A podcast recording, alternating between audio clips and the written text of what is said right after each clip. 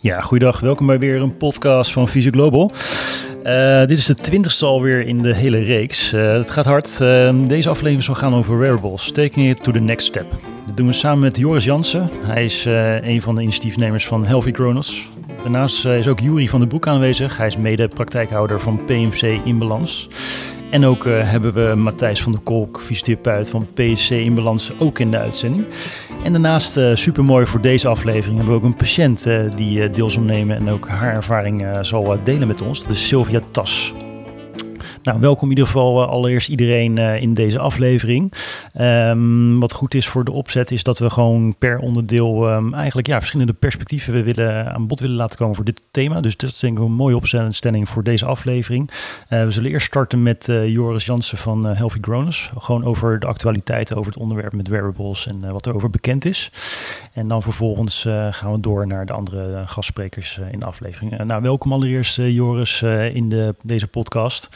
Uh, vertel allereerst aan de, de kijkers en aan de luisteraars, ja, wie ben je?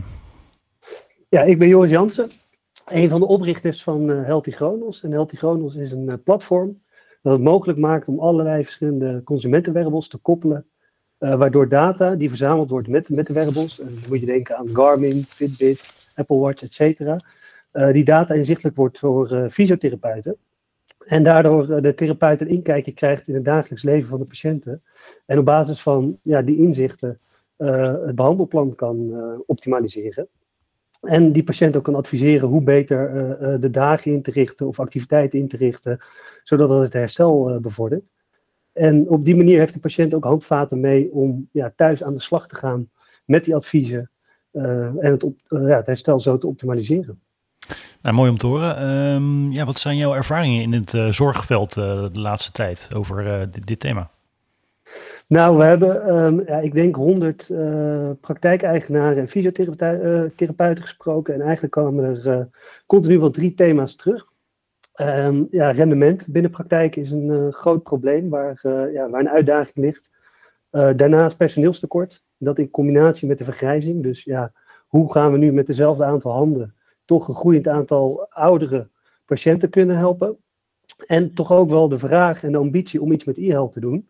Um, die vraag komt enerzijds vanuit uh, patiënten um, die gewend zijn door mede door corona om toch meer digitaal te doen. En dat ook verwachten van, van een fysiotherapeut. Okay. Uh, en anderzijds ja, ook vanuit praktijkeigenaren uh, om juist de eerste twee problemen op te kunnen vangen. En ook de problemen in de toekomst een oplossing te kunnen bieden. Wel voorzien dat ze iets digitaal moeten gaan doen. Uh, en zo efficiënter te gaan werken. En daar, uh, daar proberen wij op in te spelen met, met onze oplossing.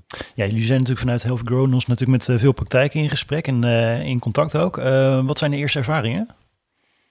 Ja, wij zijn een jaar geleden begonnen. We hebben met 50 fysiotherapeuten hebben een pilot gedaan. En um, eigenlijk kwamen we daar heel snel achter um, dat het, um, de eerste groep was COVID, okay. dat het super effectief was. En met super effectief bedoel ik dat, dat de therapeut enthousiast was, en patiënten heel enthousiast. Want ja, wearables geven uh, een inkijkje dus enerzijds in wat de patiënt thuis doet, wat voorheen altijd een black box was, waar je als therapeut moest varen op de verhalen uh, en de ervaringen van de patiënt, de beleving, wat soms toch gekleurd is, kreeg je nu een heel objectief beeld. Okay. Um, en die data, om dat toe te passen in je behandeling, um, ja, kon je heel concreet adviezen geven uh, die, die echt helpen. En in, in het geval van COVID-patiënt waar Sylvia en Matthijs veel meer over zullen vertellen. Ja, een, een is in staat om op basis van hartslagdata heel precies momenten van overbelasting te detecteren. En op die manier kan je bepalen ja, welke activiteiten zijn bijvoorbeeld te belastend op dit moment. En kan ik beter ja, uh, op dit moment nog niet uh, verrichten, zodat dat mijn herstel bevordert. En uh, nou, daar zijn we dus mee aan de slag gegaan. We dachten, nou hier zit echt iets, dit levert betere zorg. uiteindelijk liepen we wel tegen de andere beperkingen aan binnen, binnen fysiotherapie, dat, dat er rendementsproblemen zijn. En eigenlijk weinig ruimte voor innovatie. Uh, nou, er zijn geen, eigenlijk, worden er geen financiële middelen beschikbaar gesteld. En er is vaak ook weinig uh, capaciteit binnen de praktijk om ermee aan de slag te gaan. Dus liepen we wel tegen het probleem aan, ja, hoe gaan we het bekostigen? Als die ruimte niet is binnen praktijken. Ja. En daarom hebben we nu met in Balans um, dit jaar een switch gemaakt waar de patiënt een bijdrage uh, betaalt aan, aan ons als Healthy Chronos. Om gebruik te kunnen maken van Healthy Chronos. En daadwerkelijk ook die data mee te nemen in de behandeling. En, okay. uh, ja, daar is PMC in balans ja, de, de koploper mee. En uh, dat hebben we zijn we in april mee begonnen en dat, dat bleek een groot succes. Ja, het gaat natuurlijk om wearables, hè, waarbij natuurlijk ook data uh, geregistreerd wordt. Is het, is het ook zo dat jullie vanuit jullie platform de, die data ook verzamelen? Ja, wij, um, nou wat wij doen, wij koppelen wearables en wij halen die data naar ons platform. Ja. Um, en wij tonen die data aan de fysiotherapeut. Okay. En wij doen verder niks met die data. Uh, behalve onderzoeken waar we meewerken aan, met academische ziekenhuizen bijvoorbeeld of revalidatiecentra. Ja. Waar echt op basis van de data een onderzoek wordt gevoerd en de patiënt ook een consent wordt gevraagd. Maar in principe, uh, voor al onze andere uh, klanten waar geen onderzoek loopt, bieden we alleen een platform wat, wat ervoor zorgt dat de data inzichtelijk is voor therapeut en patiënt. Ja. Um, en ook op afstand dus. dat, dat is andere bijkomstigheid. Doordat de data continu binnenkomt, is het ook mogelijk om e-consults te, uh, te faciliteren. Waarbij het dus niet altijd meer nodig is dat de patiënt naar de praktijk komt. Ja, dus jullie bieden eigenlijk uh, vanuit jullie platform een ondersteunende rol hè, voor, voor, voor het werkveld. Uh, zodat uiteindelijk ook die service, hè, die online met die e-health en in dit geval ook die wearables, um, natuurlijk gefaciliteerd kan worden voor die patiënt. Ja, ja. En waarbij belangrijk dat de data altijd van de patiënt blijft. En wij verder ook niks met die data doen. Dus er zit geen verdienmodel achter, achter de data. En de patiënt blijft eigenaar. op het moment dat de patiënt zegt, ja, ik, ik ben uitbehandeld of ik vind het niet meer nodig, dan stopt hij zijn abonnement en dan wordt ook alle data verwijderd. Oké, okay, duidelijk. En uh, nou, ik hoorde je net ook zeggen over eventueel ondersteuning hè, voor onderzoeken. Uh, zijn er ook projecten die daarin lopen, vanuit wetenschappelijk ja. onderzoek? Ja, ja, het is natuurlijk een uh, relatief nieuwe techniek. Uh, dus ja, los van dat wij weten anekdotisch dat het effectief is en dat patiënten snel progressie boeken als ze thuis aan de slag gaan en uh, ook meer meten voor wat ze doen en hoe ze dat op kunnen bouwen of juist beter kunnen doseren wat ze op een dag doen. Um, ja, werken we ook mee aan verschillende onderzoeken waarin we aan willen tonen dat patiënten die met een wearable in combinatie met coaching op afstand daadwerkelijk fitter worden voor bijvoorbeeld een operatie of na een uh, zware operatie of chronisch patiënten, dat die actiever worden. Uh, doordat ze een wearable hebben, zelfmanagement en de coaching van de fysiotherapeut. Oké, okay, duidelijk. Um, nou, jullie zijn natuurlijk veel in contact uh, met, met de alledaagse praktijk. Uh, zijn er zijn hebben jullie nog voorbeelden van andere naast natuurlijk PMC balans? Hè? Zijn er nog, nog meer plekken waar jullie ook mee bezig zijn? Bijvoorbeeld revalidatiecentra, ziekenhuizen? Um. Ja, nou, we hebben bijvoorbeeld onderzoek lopen met het Antonisch ziekenhuis. Dat is rehabilitatie. We hebben met Medical Delta, uh, met BB Healthcare, ook onderzoek met uh, prehabilitatie. Hoe kan je A, prehabilitatie van, vanuit de tweede lijn naar de eerste lijn verplaatsen? Okay. En hoe kan je dan ook zorgen dat je dat combineert uh, samen met dus de fysieke oefeningen, krachtoefeningen in de praktijk.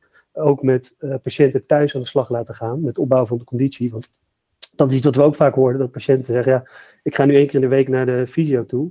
En in principe kan ik dan de rest van de week wel rusten. Nou, en bij ons proberen we dan te helpen dat de patiënt ook thuis aan de slag gaat om iedere dag zijn stappendoel te halen. En dat op die manier op te bouwen. Ja, je probeert eigenlijk een extra schild te creëren. Hè? Dat, dat, dat, die, dat die therapielijn die natuurlijk in, in, in een bandelkamer plaatsvindt of op de praktijk, dat die eigenlijk ook thuis ook gestimuleerd wordt. Dat het een soort van ja. continu proces wordt. Um, Ja. Alle mensen die uh, deze aflevering luisteren dan wel kijken, um, waar kunnen ze meer informatie vinden over het uh, platform? Uh, op onze website, healthygronos.com. Nou, dat is duidelijk. uh, we hadden natuurlijk al eerder contact uh, in het verleden, Joris. het ging via LinkedIn. En nou ja, goed, toen, toen reageerde van, nou, het is wel belangrijk om dit onderwerp ook een keer te belichten. Wat, wat, wat, ja, wat, wat beweegt jou om deze aflevering te initiëren? Wat vind je belangrijk? Nou, wij horen terug van patiënten dat het hun echt helpt. En um, nou, Sylvia komt zo aan het woord. En die zal ook vertellen wat voor, voor haar gedaan heeft. En wij denken gewoon dat het een heel effectief middel is om patiënten echt vooruit te helpen. Uh, en, en dat, dat is gewoon wat wij terug horen. We hebben een uh, COPD-patiënt bijvoorbeeld, die, uh, nou, die kreeg een wearable mee, omdat hij echt geactiveerd moest worden om meer te bewegen. Okay. En bij de, de basismeting bleek dat hij 200 stappen op een dag zette. En op basis van die wearable zei de fysio, nou, ik zie dat jullie 200 stappen op een dag zet. Laten we komende week eens proberen om de 250 te zetten. En deze patiënt had zware longaanvallen. En die had uh, haar bed in de, in de woonkamer staan. En was niet meer in staat om buiten te komen. Nou, en doordat die fysio daarmee aan de slag ging. En die patiënt iedere week 50 stappen erbij ging zetten. En het zelf ook leuk begon te vinden. Want die zei: hey, ik zie nu op mijn wearable hoeveel stappen ik zet. Ik moet er nog 50. En ik doe het voor mezelf. Maar ik weet ook dat mijn fysio meekijkt. Ik ga, ik ga gewoon mijn best doen. Ik wil ook mijn fysio niet teleurstellen. Is dat opgebouwd naar 2000, 3000 stappen? En op een gegeven moment zei die patiënt: Nou, ik pak mijn fiets weer. Ik kom weer bij mijn familie over de vloer. Uh, deze week gaat mijn bed naar boven. Ja, en dat is gewoon een, ja, een heel simpel voorbeeld in onze ogen. wat echt het verschil kan maken voor patiënten. En het zou ja, zonde zijn als we dit niet breder in gaan zetten natuurlijk, want er kunnen veel meer mensen profijt van hebben. Nou, en wat ik graag met deze podcast wil vertellen, is dat dat nu al, ja, dat is nu al beschikbaar. Dat kan nu al gebruikt worden. Nou, mooi om te horen. Ik hoorde je een paar dingen zeggen over registraties, als onder andere de hartslag en ook de stappen, de, wat je net uh, als voorbeeld aanhaalde. Uh, zijn er nog meer gegevens die bijvoorbeeld geregistreerd kunnen worden, zoals bijvoorbeeld uh, slaapgegevens of heart rate very, variability. variability, ja, precies. HRV, ja, nee, dat... HRV, ja. ja. nee, dat is, ja, we zijn wel beperkt natuurlijk door de wearable die gedragen wordt. En, en dat is ook wat wij doen. Wij uh, we zien de trend in Nederland dat steeds meer uh, consumenten en daarmee dus ook patiënten een wearable dragen. Okay. En daar spelen wij op in, want wij koppelen de wearables die patiënten zelf al inbrengen. Ja. Uh, mochten ze geen wearable hebben, dan kunnen ze die altijd bij, bij ons huren. Um, en daardoor zijn we wel beperkt door, door de wearable die de patiënt draagt. Wat meet die? Maar in principe pakken wij de data op die beschikbaar is. Dus er valt inderdaad te denken aan stappen, belangrijke parameter, maar ook hartslag, die heel interessant is voor bijvoorbeeld overbelasting. Um, maar ook het aantal verdiepingen, uh, het aantal actieve minuten, slaap, hoe, hoe laat gaat iemand slapen, hoe laat wordt iemand wakker, wat zijn de verschillende slaapfases, om daar ritmes in te herkennen. Rusthartslag, um, nou ja, uh, stress bijvoorbeeld, de Garmin meet stress, dat kunnen we ook tonen. En daarnaast combineren we dat ook met proms. Um, zo kunnen wij vragen aan patiënten, of wij die het zelf maar doen, de fysio, van vul nou in wat momenten zijn dat je pijn hebt. En dan kunnen ze daar wat contextinformatie bij leveren. En dat wordt dan geplot op de andere grafieken, waardoor je heel goed kan zien, hey, zijn er verbanden te halen uit de informatie die de patiënt aanlevert en wat er daadwerkelijk in de data te zien is. Um, wat, wat, dan nog die, ja, die harde werbeldata nog verrijkt, uh, in feite. En ja, daar zijn we continu mee bezig. We zien dat wearables steeds meer kunnen meten. Um, en ja, daar willen we ook uh, in uh, meegaan. En die nieuwe meting ook toe blijven voegen. Oké, duidelijk. Na de laatste twee, twee vragen. Daarna gaan we door naar de patiënt onder andere.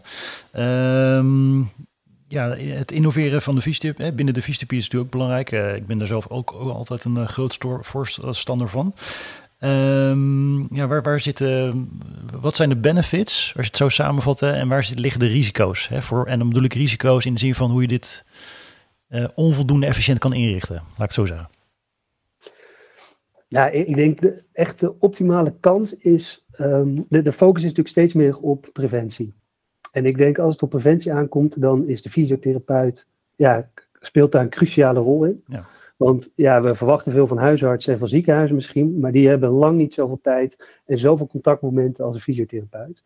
Die hebben met name met chronische patiënten ja, een hele intensieve behandelrelatie die over verschillende jaren zelfs uitspreidt.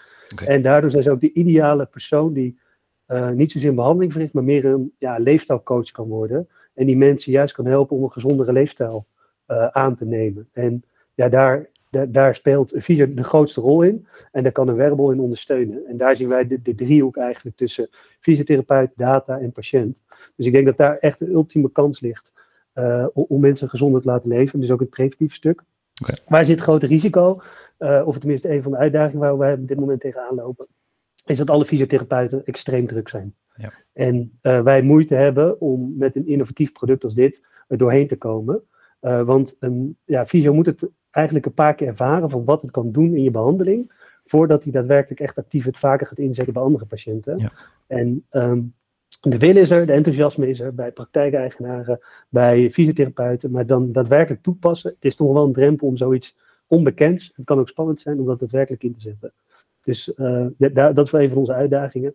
En daarnaast de bekostiging. Ja, wij ja. vragen nu nog een vergoeding aan de patiënt.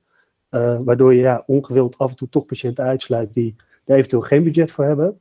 Um, en, en, daar ligt onze andere uitdaging om ervoor te zorgen dat het uiteindelijk op een manier vergoed wordt. Uh, maar daar zullen we ook bewijs voor moeten verzamelen. Dus dat is logisch dat dat nog volgt. Nou, mooi om te horen voor de kick-off. Uh, dan gaan we door naar uh, het volgende schermpje. Dat is van Team Uitje PMC in balans. Dus we gaan die even pinpointen. Ja, we konden het helaas kon het niet gewijzigd worden. Uh, dan gaan we ook uh, Joris wat uh, verkleinen. nou ja, allereerst welkom. We zien twee personen in beeld. laten we eerst even een korte introductie doen van beiden. En daarna mag de patiënt aan het woord over de lopende therapie. Ervan, dat is nog een behandeling die nog gaande is. Dus dat is even belangrijk voor de luisteraars om te weten. Ehm, welkom Sylvia. zou je kunnen voorstellen eventjes aan de luisteraars? Hoi, ik ben Sylvia Tas. geveld door long covid en ik was een hele enthousiaste leerkracht. Maar dat lukt nu niet meer. En uh, ik word begeleid door Matthijs, die hier naast me zit. Dus Ja, want uh, voor, voor de beeldvorming, um, je bent natuurlijk hiermee bezig. Hè? Uh, het, is, het is een therapie wat gaan is. En dat is ook vanwege die long COVID. Ja. Dat, je de, dat het ook wordt ingezet. Dat is even duidelijk om, belangrijk om te weten. Um, ja, wat zou, mag ik jij zeggen trouwens? Ja, ja zeker. Ja, wat zijn je eigen ervaringen tot zover? Want je bent natuurlijk nu net uh, dit opgestart met zo'n behandeling. Ja, we zijn denk ik een maand of vier nu bezig. Ja. Uh, en mijn vraag begon eigenlijk met uh, dat ik af en toe echt absurd hoge hartslagen had. Ik, ik ben heel sportief type. Ehm, maar de ene keer ging ik uh, uh, borstkrollen en kantienbaantjes zwemmen. En heb ik gewoon een gemiddelde hartslag van 132. En dat is voor mijn leeftijd zeer acceptabel en prima. En de volgende keer, en ik had al een werbel, zeg maar. En de volgende keer denk ik, hmm, ik voel echt mijn hart uit mijn borstkas bonken. En dan keek ik op mijn horloge en had ik een hartslag van 180. Ja, dan was het een kwestie van na 12,5 meter. Hè? Dus dan was het een kwestie van voorzichtig aan de overkant komen en heel bang zijn. Dat je denkt, ja, als dit te vaak gebeurt, dan kan dat ook verkeerd aflopen met mezelf.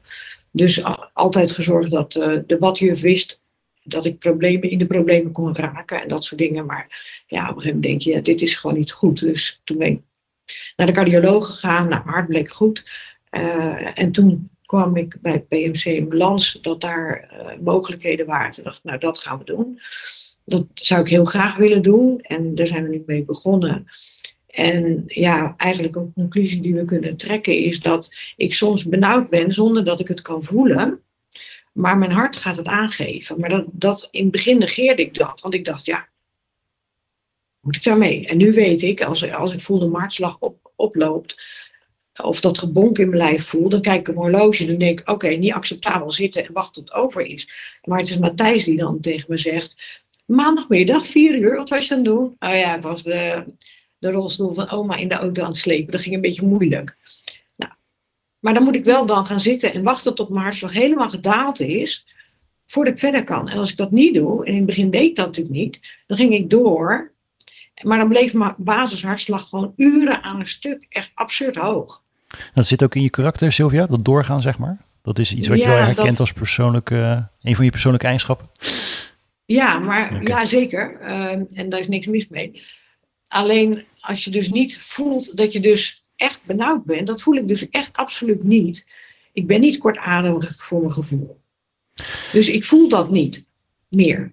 Nee, uh, we hebben in het verleden ook eerder dit jaar een uh, uitzending gedaan met C-Sport, als een patiëntstichting uh, long COVID. Ehm, ja, daar kwam echt wel duidelijk naar voren ehm, met de patiëntengroep die ook keek, dat er verschillende klachten natuurlijk voorkomen bij long COVID. je geeft natuurlijk een van de problemen ook aan, hè, waar nu ook mee aan gewerkt wordt, is met die, met die hartslag, hè? Dat, dat bonkende gevoel, zeg maar.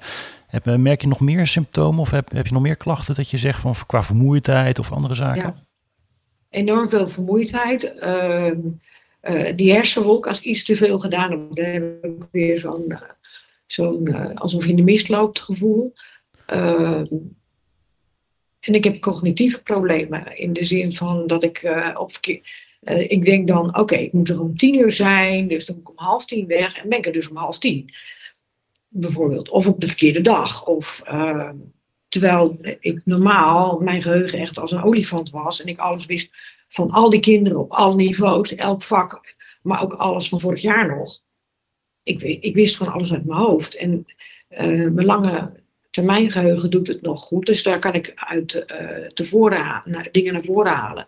Maar uh, dingen als een afspraak op welke locatie moet ik zijn. Ik kan gewoon in de agenda kijken en Matthijs zit op twee locaties. Dat is voor mij nu niet heel handig, want we schrijven het er met nadruk in, in de agenda. En als ik op mijn fiets zit, kan ik het gewoon er niet bij stilstaan. En toch bij de verkeerde, ja, stilstaan niet, want ik fiets. Maar dan kan ik gewoon toch naar de verkeerde locatie fietsen. En ik dan echt denk, hè? Oké. Okay. Um, ja, wat, wat, wat, wat, wat zou je als patiënt mee willen geven aan de luisteraars? Want het merendeel van de luisteraars en kijkers van deze aflevering zijn fysiotherapeuten. Uh, wat, wat, nou, zou jij, wat zou je mee willen delen aan, aan, aan andere, aan andere collega-therapeuten in, in ons vak? Um, het helpt mij enorm uh, dat Matthijs met me mee kan kijken. Dat er uh, uh, echte data is die niet afhankelijk zijn van mijn hu humeur, niet van mijn successen, eh, hoe ik dingen interpreteer naar mijn gevoel, zeg maar. Maar er is gewoon data. Dus Matthijs kan gewoon aan de hand van die data en mijn verhaal, kan die dingen aan elkaar koppelen. En daar kunnen we conclusies aan trekken, waarin ik mijn gedrag kan veranderen. Ehm, door wel die rust te nemen, door wel meer stappen te zetten. Nee, ik doe genoeg stappen, maar uh, wel in de gaten te houden dat het ook echt gebeurt. Dus als je een keer echt een niet zo beste dag hebt, dat ik toch denk, ja, ik ga toch die stappen zetten en ik ga toch lopen. Dus. Dus als ik het goed begrijp, geeft het eigenlijk een objectiever beeld hè, op deze manier. Ja. Gewoon over wat er nou daadwerkelijk gebeurt, gebeurt losstaand van wat je emoties zijn, je gevoelens. En uh, nou ja, interessant om te horen. In ieder geval uh, ja, mooi om uh, deze input ook te geven als vanuit patiëntenrol, Sylvia, heel belangrijk. Ik denk dat het eigenlijk veel vaker moet gebeuren, alle onderwerpen die spelen binnen de fysiotherapie en de zorg, dat ook patiënten betrokken zijn. Uh, met dit soort discussies. Ja, um, ja naast je zit natuurlijk uh, Matthijs, hè, de, de, de, nee, voor de beeldvorming voor de, voor de kijkers en luisteraars. Ja, dat is natuurlijk de fysiotherapeut van uh, Sylvia. kun je even je kort interesseren, Matthijs? En dan vervolgens gaan we ook met jou in gesprek over jouw ervaring. Ja, dat is goed. Ik ben Matthijs van der Kolk. Ik ben nu twee jaar fysiotherapie en ik leer ook nog voor geriatrie fysiotherapeut. Op de UU en, Utrecht? Wat zei je? Op de Hogeschool Utrecht? Of, uh... Nee, in, uh, op Avans Plus in Breda. Oh, Avans, ja, ja, die is ook, ja. ja. Oké. En ik ben nu, uh, ja, eigenlijk, ik ben in corona afgestudeerd. En toen al vrij, vrij snel kwam de vraag, hey, wil jij ook wat gaan doen met coronarevalidatie? En daar ben ik nu eigenlijk ook al, dus al twee jaar mee bezig. En eigenlijk vrij snel kreeg ik een, een berichtje van de mannen van Healthy Gronings van, hey, zou jij hier eens mee aan de slag willen? Dus kijken, hey, is dit wat om uit te proberen in de praktijk? En toen ben ik eigenlijk, ja, eigenlijk meegedaan aan de eerste pilot, geloof ik. Ja, wat zijn jouw ervaringen hè, in je rol als fysiotherapeut hierbij? Uh, ja, ik krijg eigenlijk heel veel inzicht in de dingen waar ik normaal niet zoveel inzicht in krijg. Patiënten vertellen heel vaak aan mij, nou ja, ik heb een hele mooie dag gehad en dan vraag ik waar de komt dat? En dan zeggen ze, ja, geen idee eigenlijk. Hetzelfde als uh, de dag ervoor gedaan en toch heel moe. Okay. En eigenlijk krijg ik daar zelf door de data die zij mij aanleveren heel veel uh, inzicht in van hey, waar op een dag gaat het fout. En um, aan de hand daarvan pas ik daarop interventies toe. En dat kan van alles zijn. Want wat, wat maakt het eh, verschil voor jou als fysiotherapeut uh, tussen deze inzet hè, met die data versus dat je dat niet zou hebben? Ja, ik, ik zal even een voorbeeld geven. Ik ben eigenlijk als eerste begonnen met mezelf monitoren. Ik heb zelf een aantal keer uh, corona gehad.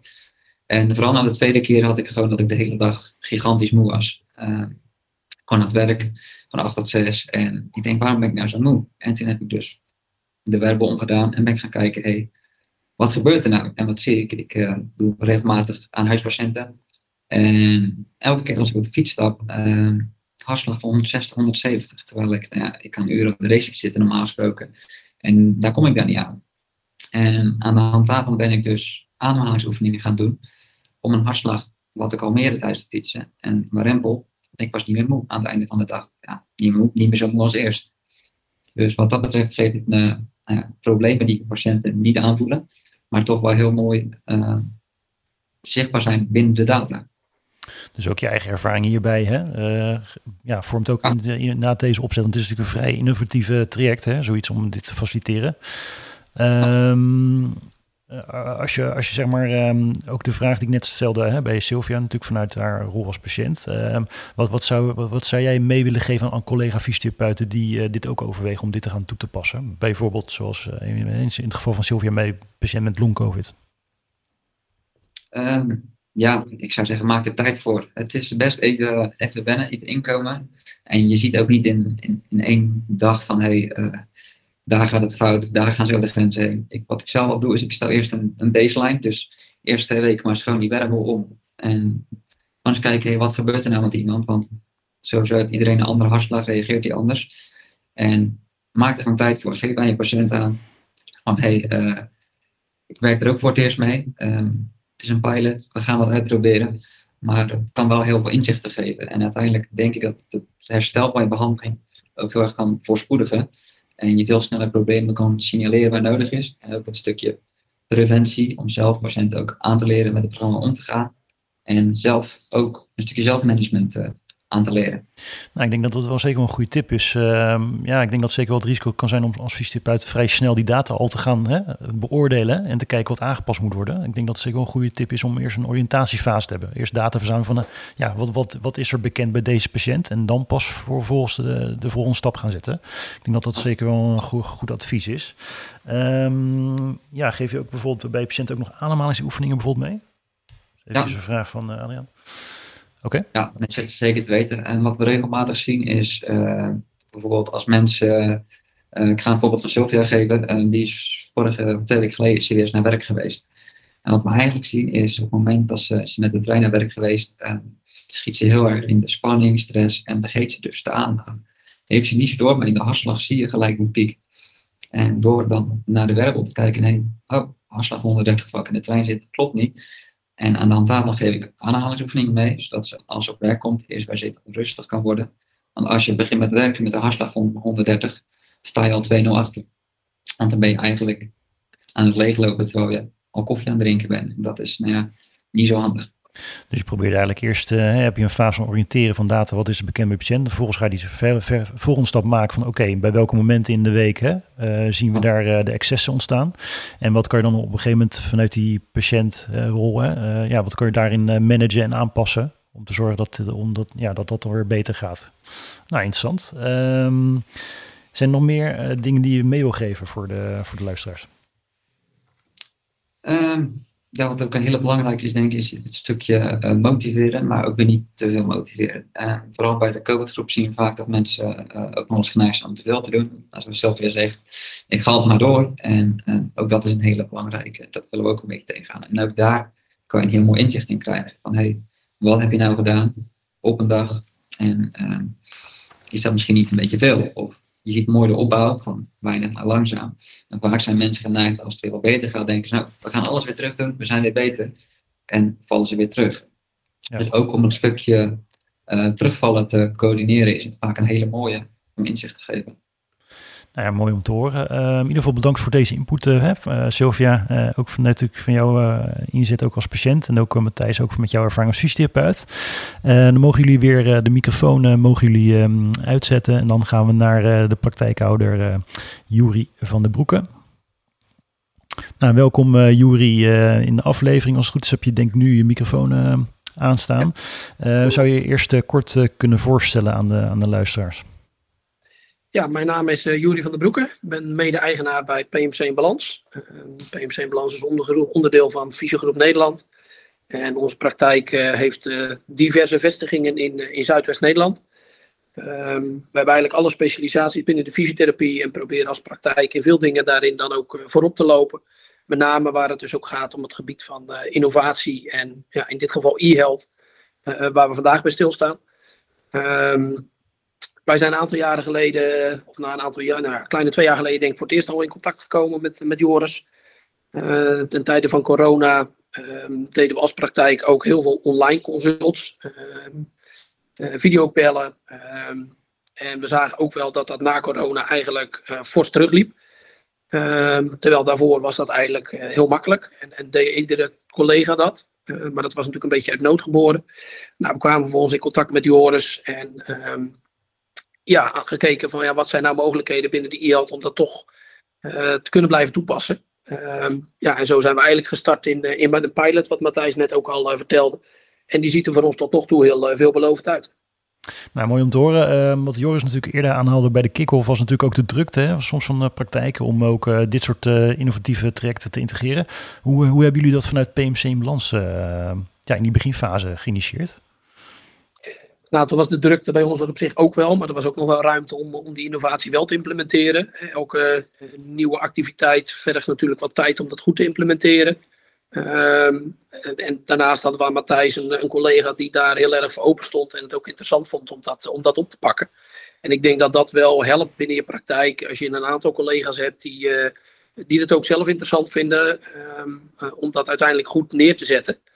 Um, nou ja, die tijd is er en ruimte is er geweest. En dat hebben we nogmaals met Healthy Chronos eigenlijk in een pilotvorm goed kunnen proberen. Okay. Uh, dat, ja, wat er nu staat, uh, ziet er goed uit. En, uh, en dat proberen we nu eigenlijk steeds breder uit te rollen. want naast de long-covid zijn we ook gestart met COPD. en zijn we ook gestart met patiëntoncologie om dat daarbij toe te gaan passen. Is dat ook jouw tip naar andere praktijkhouders om eerst te kijken hè, binnen het team van wie er open voor staan om zo'n innovatief traject te gaan starten? En dat nou, misschien op klachtenniveau uit te gaan breiden?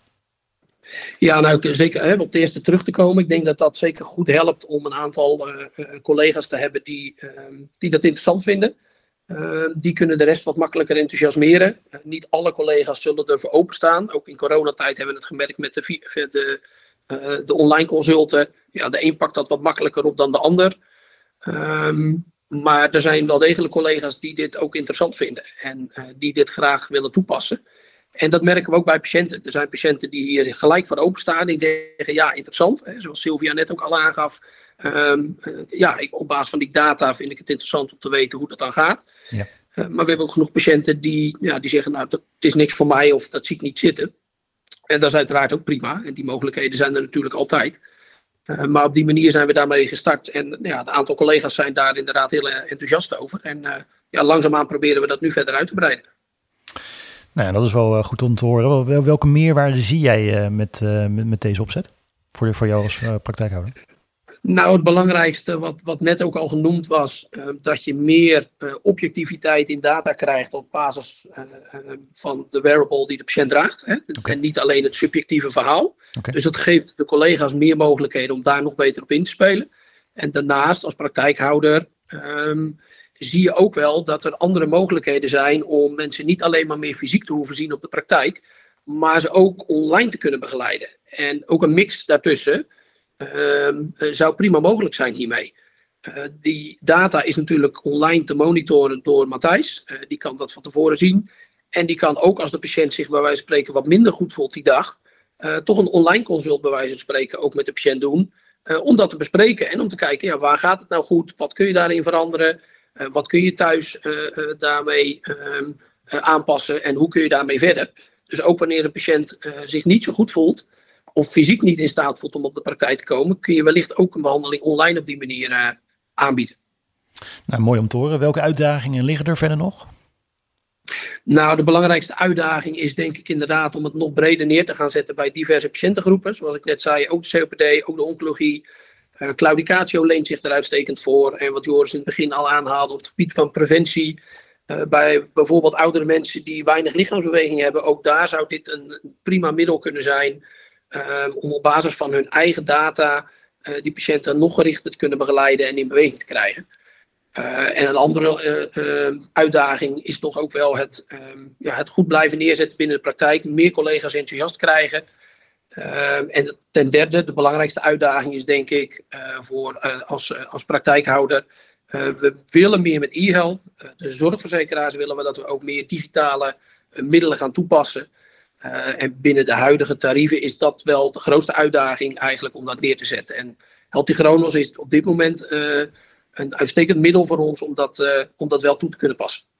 Zie je ook op die therapie op afstand, zie je dat ook, hè? dus ook die blended care hè, of blended zorg, zie je dat dat ook een nieuw verdienmodel eventueel kan worden voor de praktijk? Dat zou moeten kunnen wanneer je daarmee meer patiënten in een uur zou kunnen begeleiden.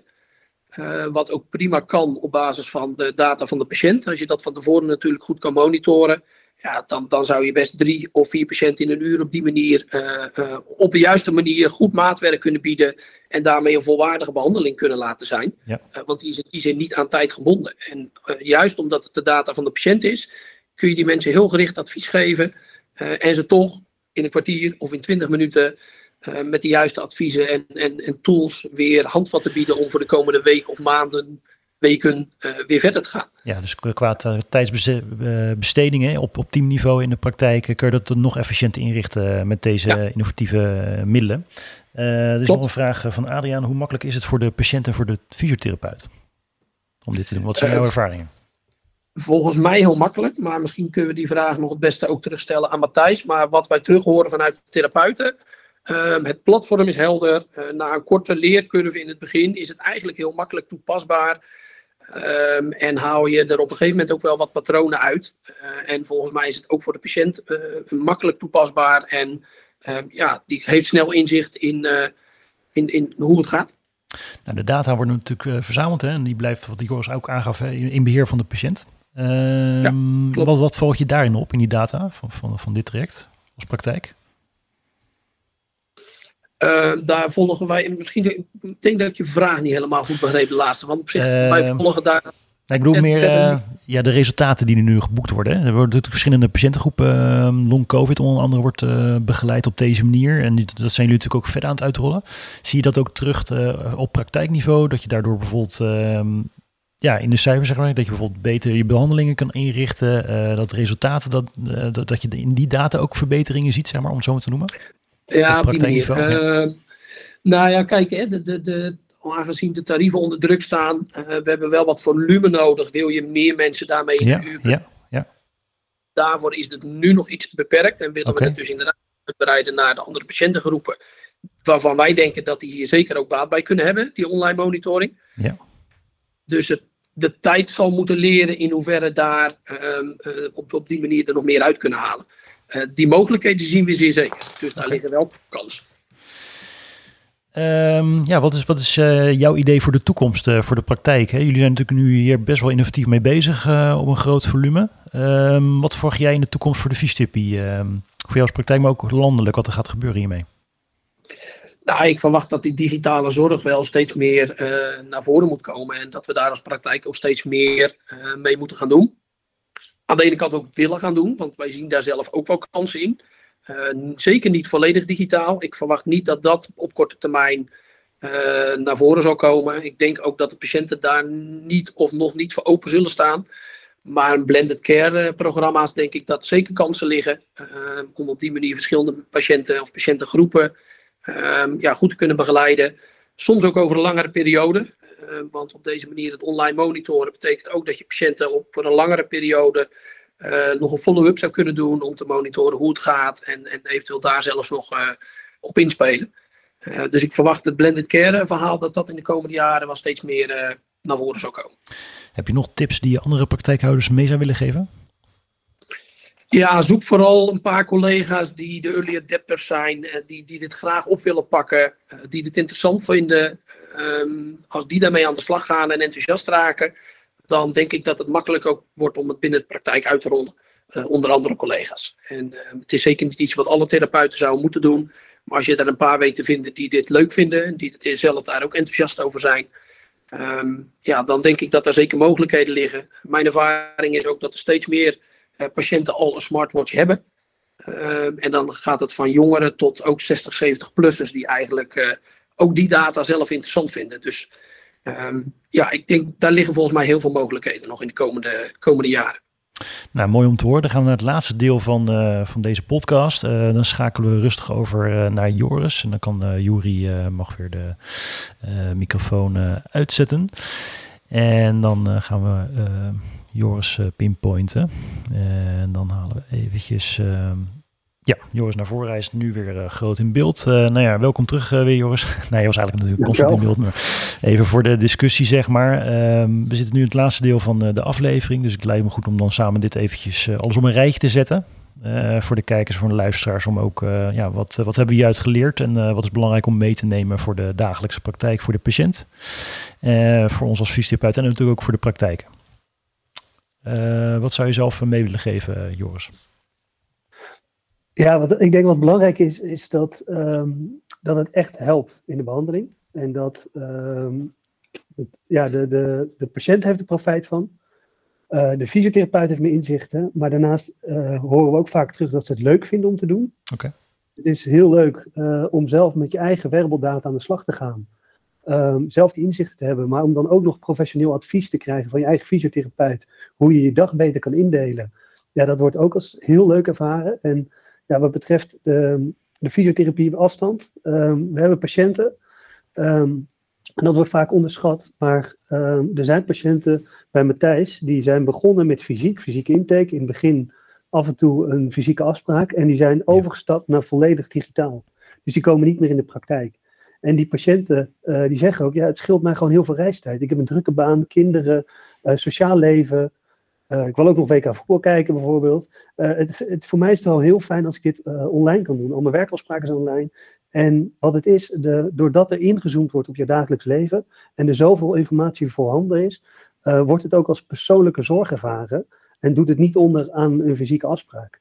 En dat betekent niet dat iedereen alles online moet doen. Nee, iedereen kan kiezen. als jij liever fysiek gaat, dan uh, ga, blijf je gewoon naar de praktijk gaan, dan bespreek je daar je data. En wil je dat afwisselen, is het ook al onmogelijk. Maar die wens is er daadwerkelijk vanuit patiënten. En op deze manier is het ook echt mogelijk. En um, ja, wat mijn outtake gewoon is, ja, probeer het. En um, we begrijpen ook dat het een drempel is, het is innovatief, maar wij bieden ook patiënten de mogelijkheid aan om het 30 dagen kosteloos te proberen. En mocht je zeggen, nou, het valt toch tegen, ja, dan is het uh, geen probleem om je abonnement op te zeggen. Uh, maar dan heb je in ieder geval geprobeerd en ervaren. En, dus dat zou eigenlijk mijn outtake zijn, probeer het gewoon en kijk wat het oplevert. Nou, mooi om te horen. Uh, Adrian heeft een mooie conclusie uh, genoteerd uh, voor, voor deze aflevering. wearables geven meer inzicht in de belasting van de patiënt. Uh, en dat is inderdaad, uh, ik denk dat het mooi aansluit uh, op de inhoud van vandaag. En ook Joris, wat je aangeeft net, niet alleen de blended care, hè, dus in die gemixte vorm, maar ook inderdaad dat je eventueel ook nog nieuwe opties creëert naar vol, volledig digitaal in de IELF-setting. Dus het biedt eigenlijk gewoon meer mogelijkheden voor die patiënt ook om met zijn of haar klachten om te gaan en ja, op te gaan bouwen in het herstel, dan wel wat stabiliseren van de klacht. ik wil in ieder geval Jurie van den Broeke bedanken voor zijn bijdrage als praktijkhouder natuurlijk van PMC in balans. Eh, Super goed om ook de ervaring vanuit de praktijkhouder mee te nemen in dit verhaal. En ook natuurlijk de patiënt Sylvia Tas hè, voor, uh, voor jouw bijdrage. Dank daarvoor. En ook uh, Matthijs natuurlijk hè, als ja, begin adviestip uit hè, in de coronatijd afgestudeerd. En ja, het is natuurlijk best wel bijzonder natuurlijk om, zoiets, om zo te starten in het vak. Maar goed, aan de andere kant biedt het ook weer kansen natuurlijk. Dus laten we dat even opstellen. En natuurlijk Joris Jansen ook bedankt hè, voor het initiëren van de uitzending van vandaag. Ook bedankt hè, van de Helver Growners met alle ondersteuning met de voorbereidingen. Wel belangrijk om ook goed te diepgang te zoeken met elkaar. Uh, ik wil in ieder geval ook uh, alle uh, luisteraars bedanken voor vandaag, voor het luisteren van deze aflevering. Heel belangrijk om ook hier aandacht voor te hebben. Ik wil ook aan, natuurlijk Adriaan bedanken, maar dan niet voor de presentatie natuurlijk vandaag, maar wel voor de, voor de techniek. Dank daarvoor ieder geval Adriaan en tot de volgende aflevering. En dan gaan we verder met een volgende topic. En uh, last but not least, uh, we gaan ook uh, volgend jaar hier verder op door met een PhD'er, Darcy Mos. zij heeft ook, ook gepromoveerd op de inzet van activiteitenmeters. Dus dan kunnen we ook wetenschappelijk kijken wat daarvan van bekend is. Bedankt in ieder geval iedereen en tot de volgende aflevering.